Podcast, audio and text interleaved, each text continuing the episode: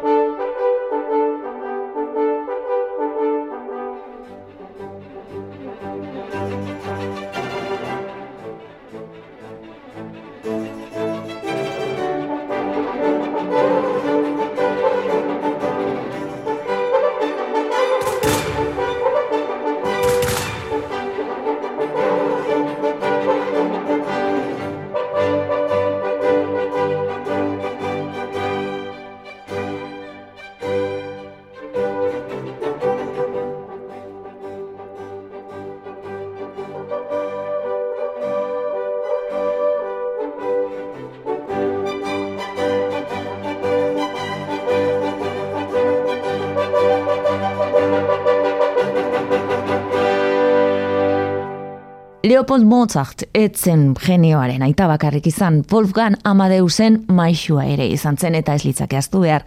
Egia da, semea jaio ondoren errege etxe batetik bestera ibili zirela, baino bigarren mailako agente edo zaintzaile paper horretatik aratago oso pedagogo garrantzitsua izan zen. Violin Schule, biolin eskola izeneko metodoa idatzi zuen, emezortzigarren mendean zegoen testu liburu bakarra. Aita eta irakasleaz gain, violinista, zuzendari eta kompositorea izan zen, entzun berri dugun Jack Symphony edo Sinfonia dakatsa, eiza esan nahi du, izenekoaren idazlea. St. Martin in the Fields Akademiaren eskutik entzun dugu Yona Brown zenaren batutapean. Klasikoak EITB Eta izen handiko beste emakume zuzendari batek idatuko ditu orain kontzerto Köln orkestra eta Filip Jaruski abeslaria. Kaldararen aria bat entzungo diegu, mentre dormi amor fomenti. Zure ametsaz gozatzen duzun bitartean.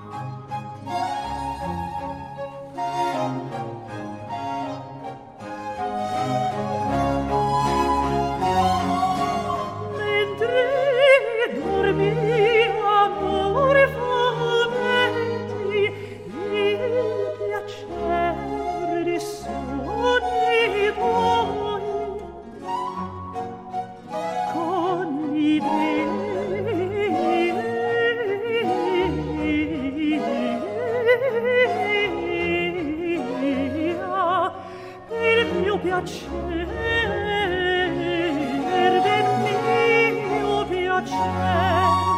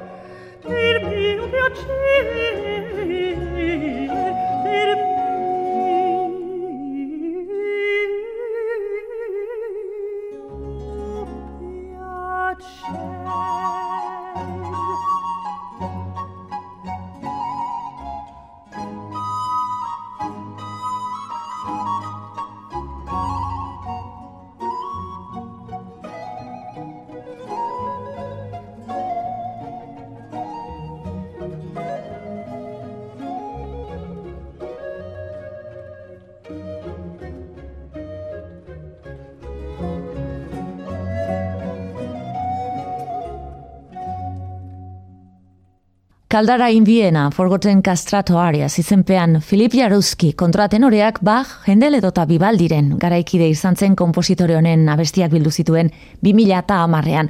Eta aria hogietako batzuk ineditoak izanik oso emozionatuta orkestu zuen diskoa. Argitaratu gabeko zerbait eskubritzen duzunean, zeure altxor gisa sentitzen duzula esan zuen. Klasikoak eite ben.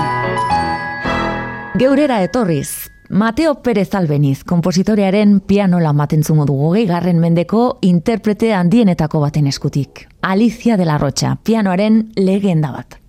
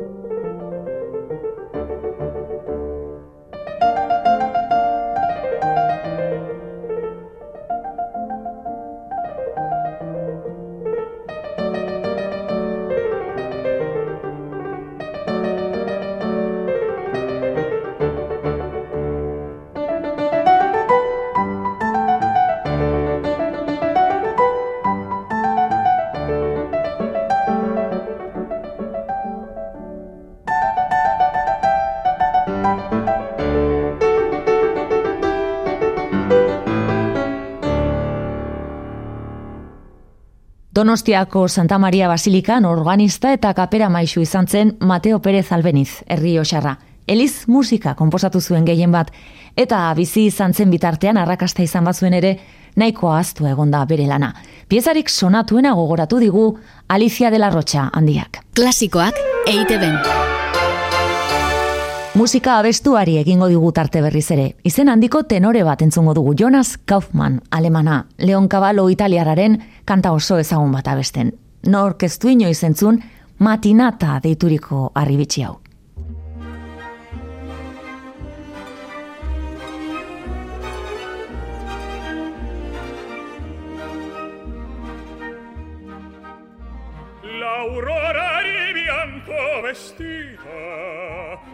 ma l'uscio rischiude al gran sol di già con le rose sue dita carezza dei fiori lo stuol. O mosso d'un tremito arcano intorno il creato già par e tu non ti desti ed in vano sto qui dolente a cantar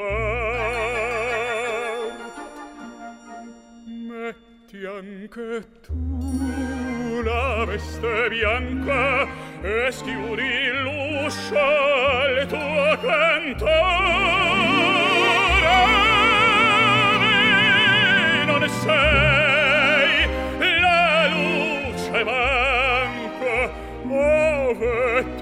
say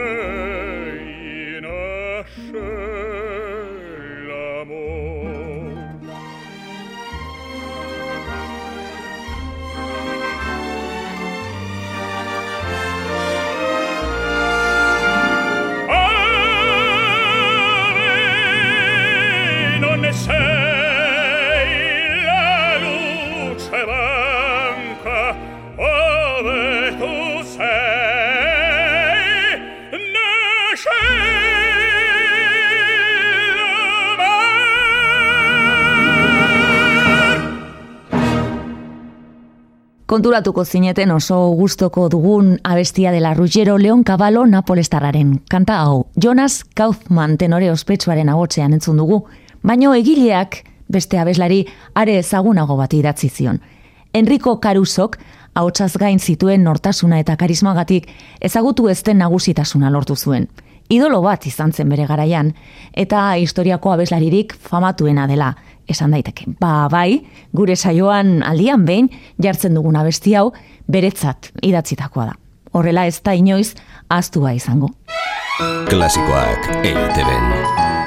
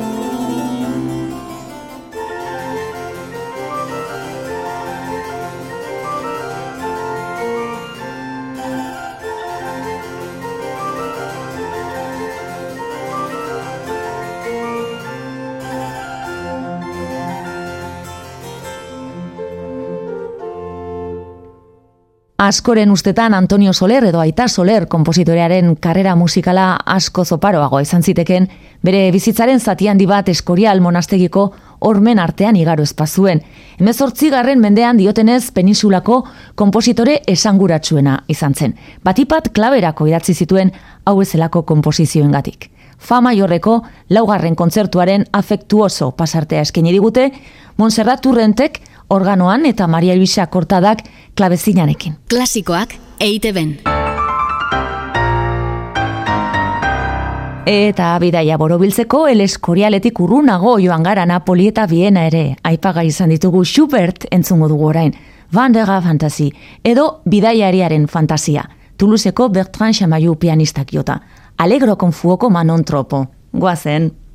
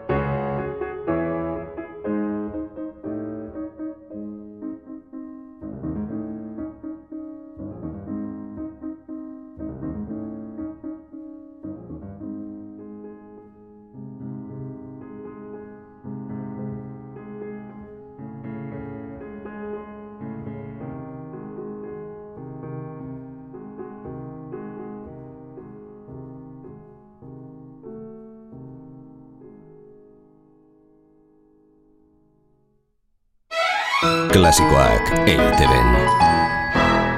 Jarraian Reinhard Kaiser Alemaniarraren Krisus Singspiel edo operaren korua entzungo dugu. Krisus Herrsche, Krisus Lebe, zuzendaria Gene Jacobs.